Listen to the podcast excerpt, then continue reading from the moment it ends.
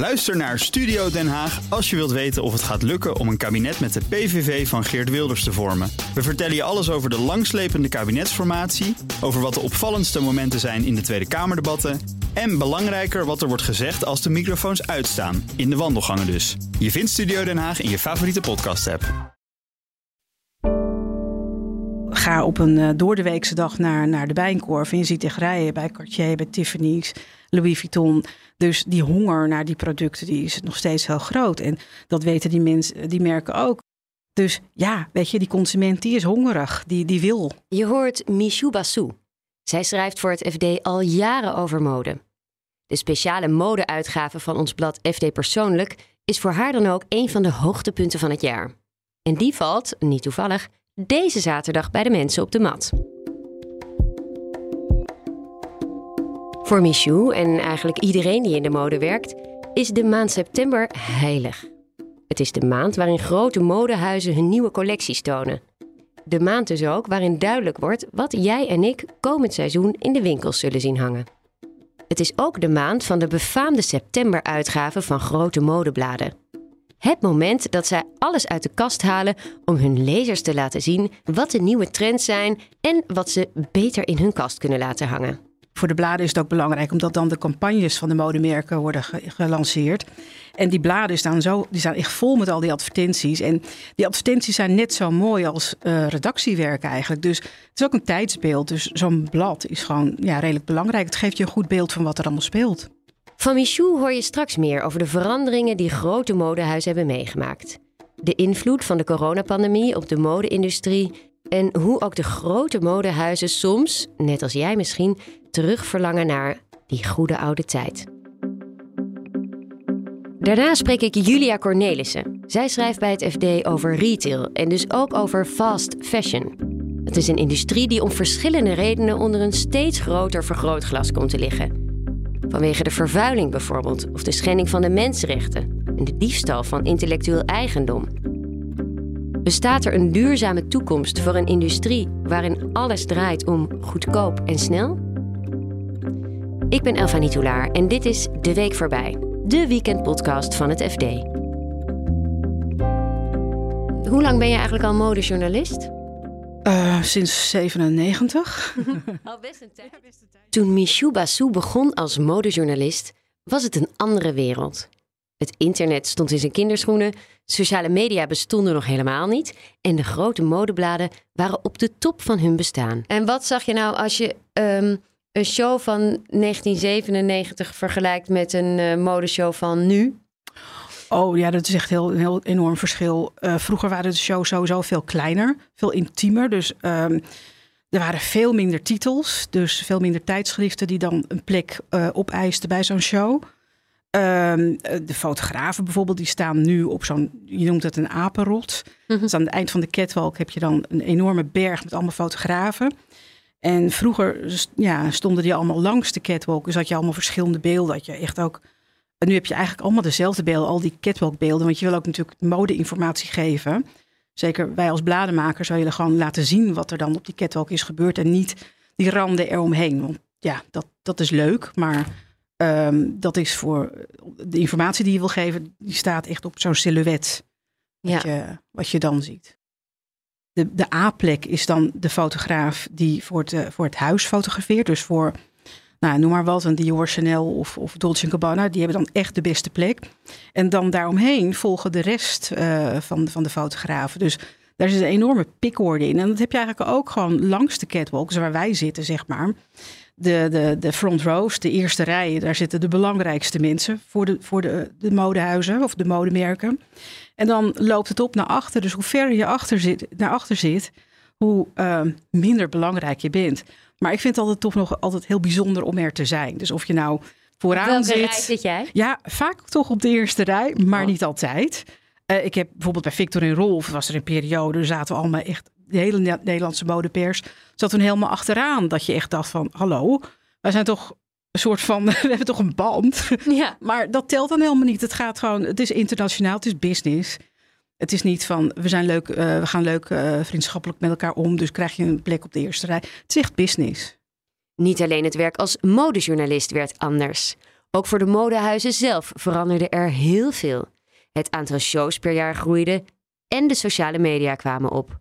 Daar moest de modewereld iets mee. Toen Instagram uh, zijn intrede deed, dat zag je ook aan de collecties. Dat die collecties waren aan het veranderen. Voorheen had je goede collecties. En op, op een gegeven moment waren er echt van die showpieces, noem je dat dan? Van die opvallende stukken in een collectie op de catwalk. Die zo opvallend is dat iedereen dat stuk fotografeert. Dus wat, wat gebeurt er dan? Dan, dan, ja, dan is zo'n stuk bijna trending. Want iedereen fotografeert het, plaatst het online. En je ziet meteen waar het over gaat. En wat is dat dan? Heb je daar een voorbeeld van? Nou ja, wat nu gebeurt en wat we zelf ook in het blad hebben, is een, een, een jas van, uh, van Loewe, een Spaans merk waar een, een Britse ontwerper achter zit. Uh, hij had uh, een jas en, en tassen en, en shirts met putdeksels. Dus echt een putje daar hebben we ook een artikel over gemaakt. Want de vraag was meteen van ja, zit mode in de put? Want wat hebben die afgelopen twee jaren nou echt gedaan met de mode? Weet je wel, bleef het nou stil? Want lang kon er geen collectie getoond worden. Uh, wat deden de merken? Nou, ze maakten filmpjes, ze maakten uh, ja, allerlei andere dingen. Boekjes hebben een paar merken gedaan. Dus ja, om maar gewoon ja, in leven te blijven, in, in on top of mind te blijven van, van iedereen. Want is zo'n putdeksel jurk of een gewaad, daar dan een verwijzing naar? Nou ja, dat, dat, dat is zo hebben we het een beetje geïnterpreteerd van wat doet dat, dat, dat ding nou op een, op een kledingstuk? Ik bedoel, ja. ja, zit de mode dan in de put? Of... Klinkt wel kunstig, ja. Dat je er zelf nou dus een associatie bij gaat bedenken. Ja, maar dat is ook een beetje wat je, wat je daar doet. Hè. ook bij die shows, dan, dan maak je echt verbindingen. Dan, wat, wat gebeurt er bijvoorbeeld? Nou ja, er is oorlog. Weet je, en normaal, of normaal, wat is normaal? Uh, doorgaans heb je dan uh, de ontwerpers reageren vaak op nou, wat er in de wereld gebeurt. Die oorlog die was net uh, zeg maar te vroeg voor de catwalk. Maar een aantal ontwerpers hebben toch wel dat mee kunnen pakken. Maar meestal reageren ze dan zo dat je dan ook allerlei uh, militaire jasjes en, en broeken, et cetera, ziet. Weet je, of verwijzingen naar de oorlog. En ja, dat was nu heel uh, sumier, omdat de oorlog net een week was begonnen. En ja, dan zijn al die collecties al klaar voordat de catwalk wordt gepresenteerd. Ja, want nu in september staat het allemaal in de bladen. Maar de, maar de kleren die worden, de kleding die daar wordt gepresenteerd, die heb jij gezien op de catwalk, maar dat was al begin dit jaar. Ja, want ze hebben natuurlijk een productie, productieproces nodig. Je kunt niet nu iets laten zien en dan morgen is het in de winkels. Dat is trouwens wel een tijdje geprobeerd hè, door Tommy Hilfiger onder andere. Dat was echt van see now, buy now. Dat was, nou, wanneer was dat? Uh, 2016, 17, zoiets moet dat zijn geweest.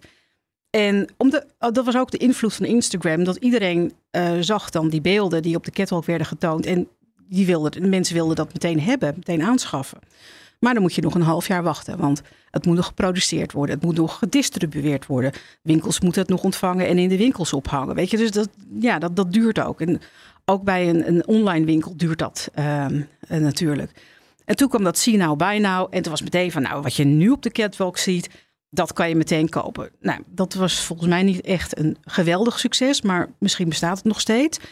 maar doorgaans, uh, wat die merken dus uh, in januari tonen, de mannenmode begint dan in januari, de, de, collecties, die worden dan gepresenteerd. Die collecties die zie je dan in september en nou, de komende maanden zie je dan in de winkel. Dus daar zit echt, er zit echt een half jaar tussen.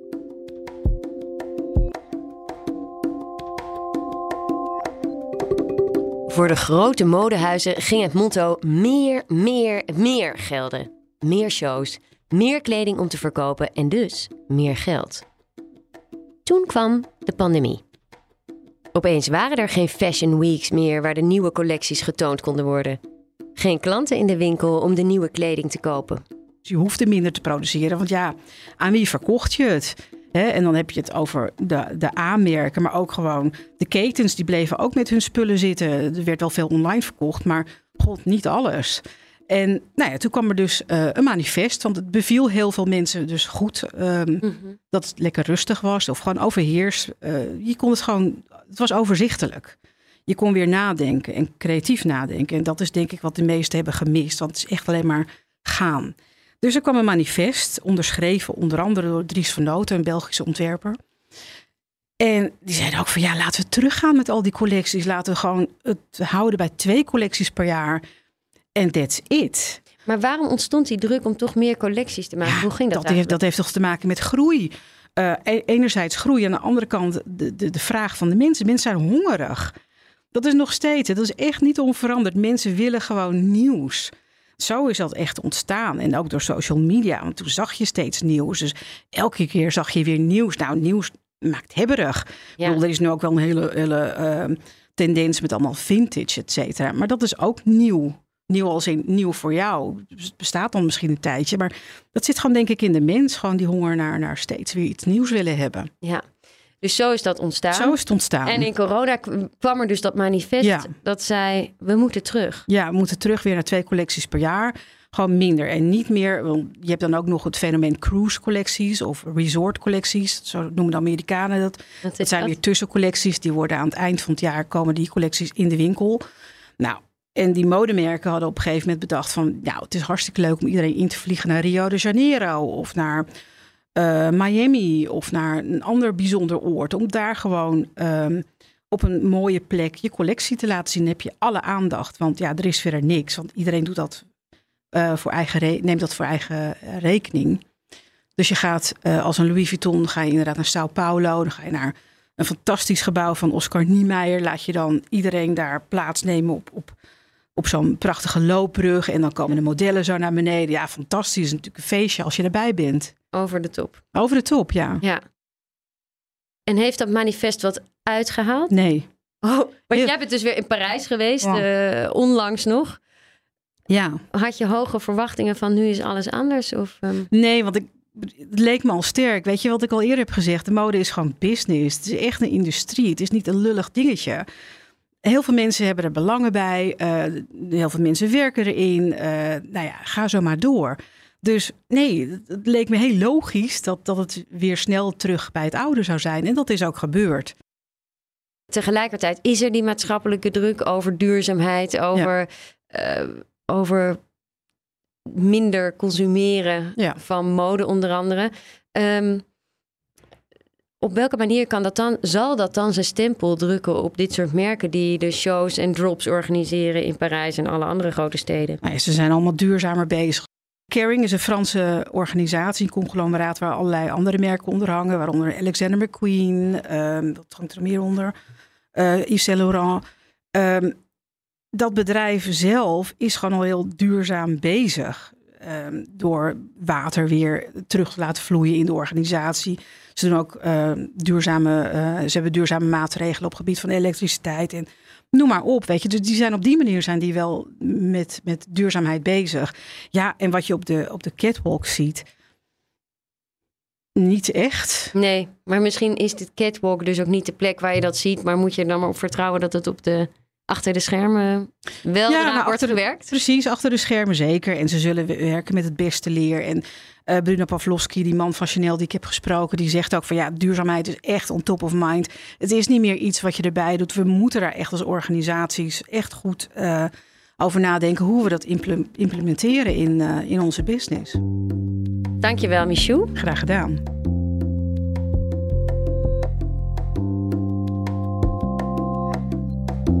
Wat ik zelf altijd wel wonderlijk vind, is dat achter een heel leuk en toch ook een feestelijk product, een kledingstuk, zit een hele uh, uh, harde industrie die best wel ondoorzichtig is, uh, schimmig. En dat kan ik moeilijk met elkaar rijmen. Dit is Julia Cornelissen, redacteur retail bij het FD.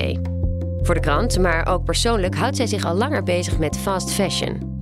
Voor wie die term nog niet kent, het verwijst naar goedkope kleding die maar kort gedragen wordt. Wegwerpkleding dus. Zo'n 20, 25 jaar geleden zijn kledingbedrijven hun uh, productie uh, gaan verplaatsen naar lage lonenlanden, dus veel in Azië. En daardoor wordt um, bijvoorbeeld een spijkerbroek van Name Levi's, dat heb ik een keer in een boek gelezen hoe dat nu gaat.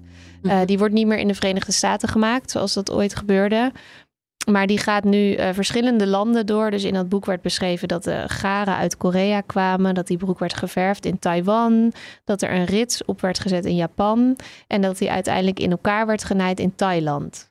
Dat is dus wat er allemaal achter die ene spijkerbroek zit. En dat maakt het ook heel moeilijk om um, te controleren hoe de omstandigheden zijn voor een bedrijf om te weten wie er precies aan hebben gewerkt en onder welke omstandigheden. Dus dat is um, die onderzichtige toeleveringsketen. Wat ook heel erg is veranderd, is de manier waarop we kopen en hoeveel we voor kleding betalen. Dus dat is meer aan de consumentenkant. Daar las ik weer in een ander boek een heel interessant voorbeeld van. How to Break Up with Fast Fashion heet dat boek. En daarin werd beschreven dat uh, onze ouders in de jaren 60 of 70 uh, met hun inkopen een, uh, inkomen een jurk konden kopen, gewoon in de winkelstraat. En die kostte dan 17 euro, is het voorbeeld in dat boek. Um, daar moesten ze ongeveer een maand voor sparen met hun inkomen op dat moment. toen wij tieners waren, toen konden we met ons veel hogere inkomen nog steeds een jurk van 17 euro kopen. Maar we hoefden er niet meer zo lang voor te sparen. Dus bijna alle producten zijn duurder geworden ten opzichte van die tijd. Maar kleding is even duur gebleven, waardoor we veel meer kunnen kopen ervan. En hier geldt dus eigenlijk hetzelfde als wat Michou beschreef als het gaat om haute couture. De mens is een veelvraat als het op mode aankomt. En fast fashion kan onze honger naar kleding maar heel even stillen. De veranderingen in de productie en dus onze consumptie hebben grote gevolgen voor de industrie. An eight-story building collapsed today, killing at least 145 people and injuring hundreds of others. In de lente van 2013 stort het Rana Plaza complex in, een groot gebouw in de Bengalese hoofdstad Dhaka waar verschillende kledingfabrieken zaten. Het was de zoveelste ramp die de krakkemikkige, slecht onderhouden, brandgevaarlijke fabrieken regelmatig trof. Ruim 1100 mensen kwamen om. It was pure chaos. A giant plaza with a market and several clothing factories inside. During morning rush hour, it simply collapsed. Officials discovered cracks. In Een wereldwijde roep om actie zwol aan. De kledingindustrie moest veranderen. Jij en uh, collega Lisa van der Velde spraken met een uh, vakbondsmevrouw die uh, opkomt voor Bengaalse arbeiders in die fabrieken daar.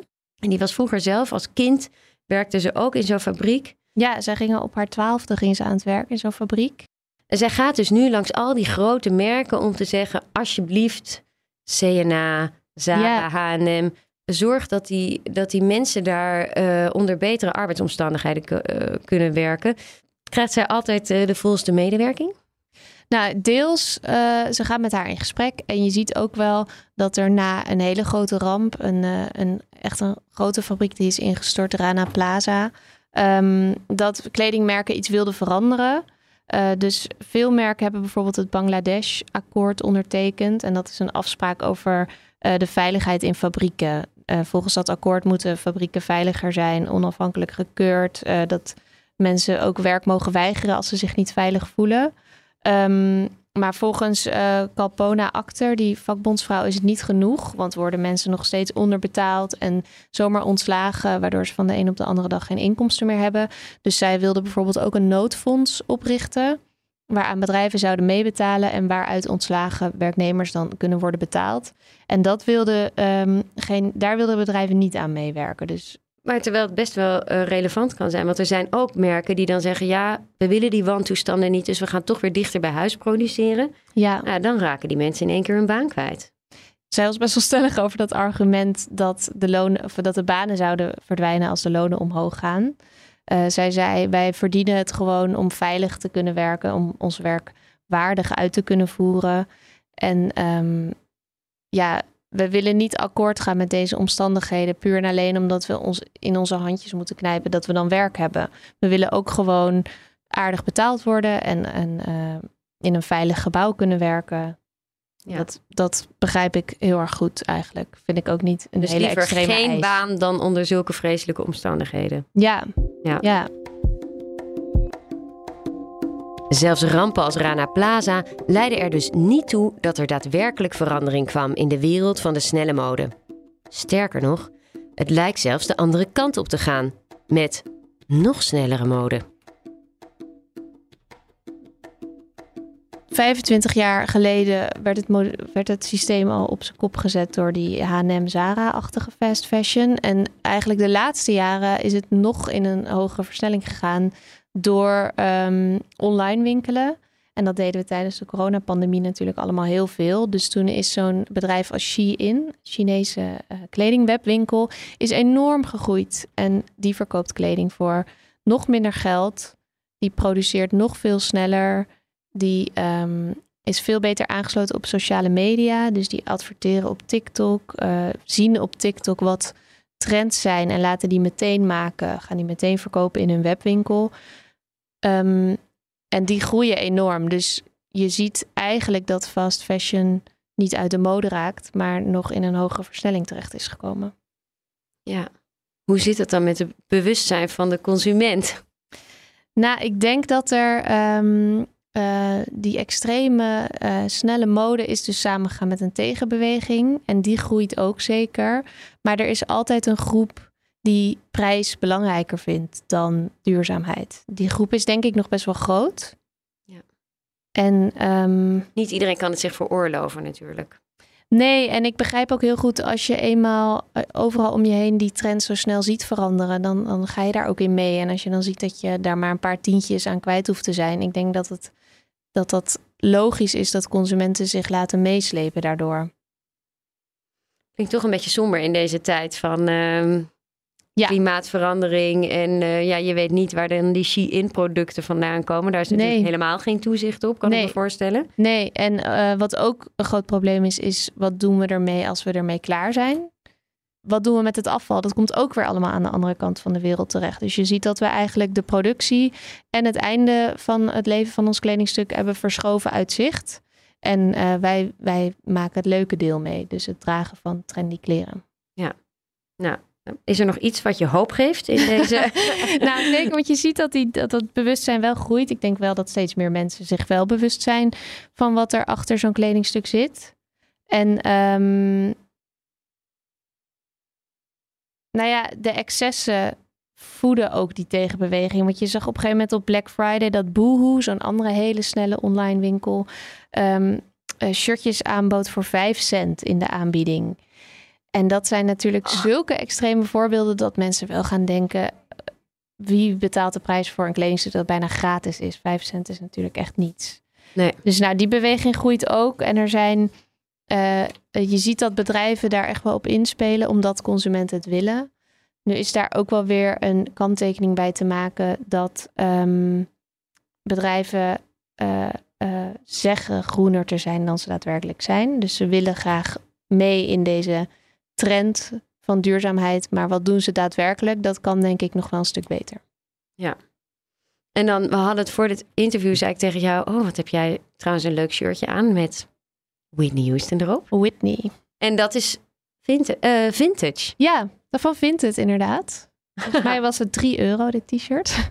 ik koop zelf heel graag tweedehands. Daar moet ik wel bij zeggen, dat is natuurlijk...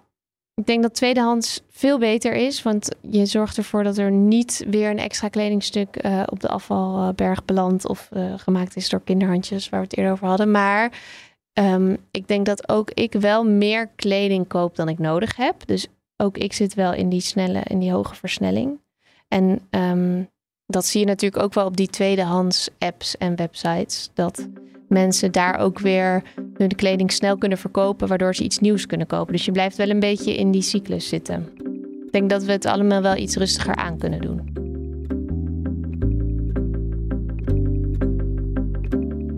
Dat was hem voor deze week. Dankjewel voor het luisteren. Als je deze podcast leuk vindt, abonneer je dan vooral. Dat kun je doen door te zoeken op FD de Week voorbij, waar je dan ook podcast luistert. En delen met je vrienden. Dat helpt ons weer om gevonden te worden. Redactie van deze podcast is in handen van Yildo Bijboer. En de muziek komt van Visionair Ordinaire. Wil je reageren op deze aflevering? Dat kan natuurlijk. Je kunt mailen naar podcast.fd.nl en je kunt mij ook vinden op Twitter, Elfanie. Een heel fijn weekend en tot volgende week.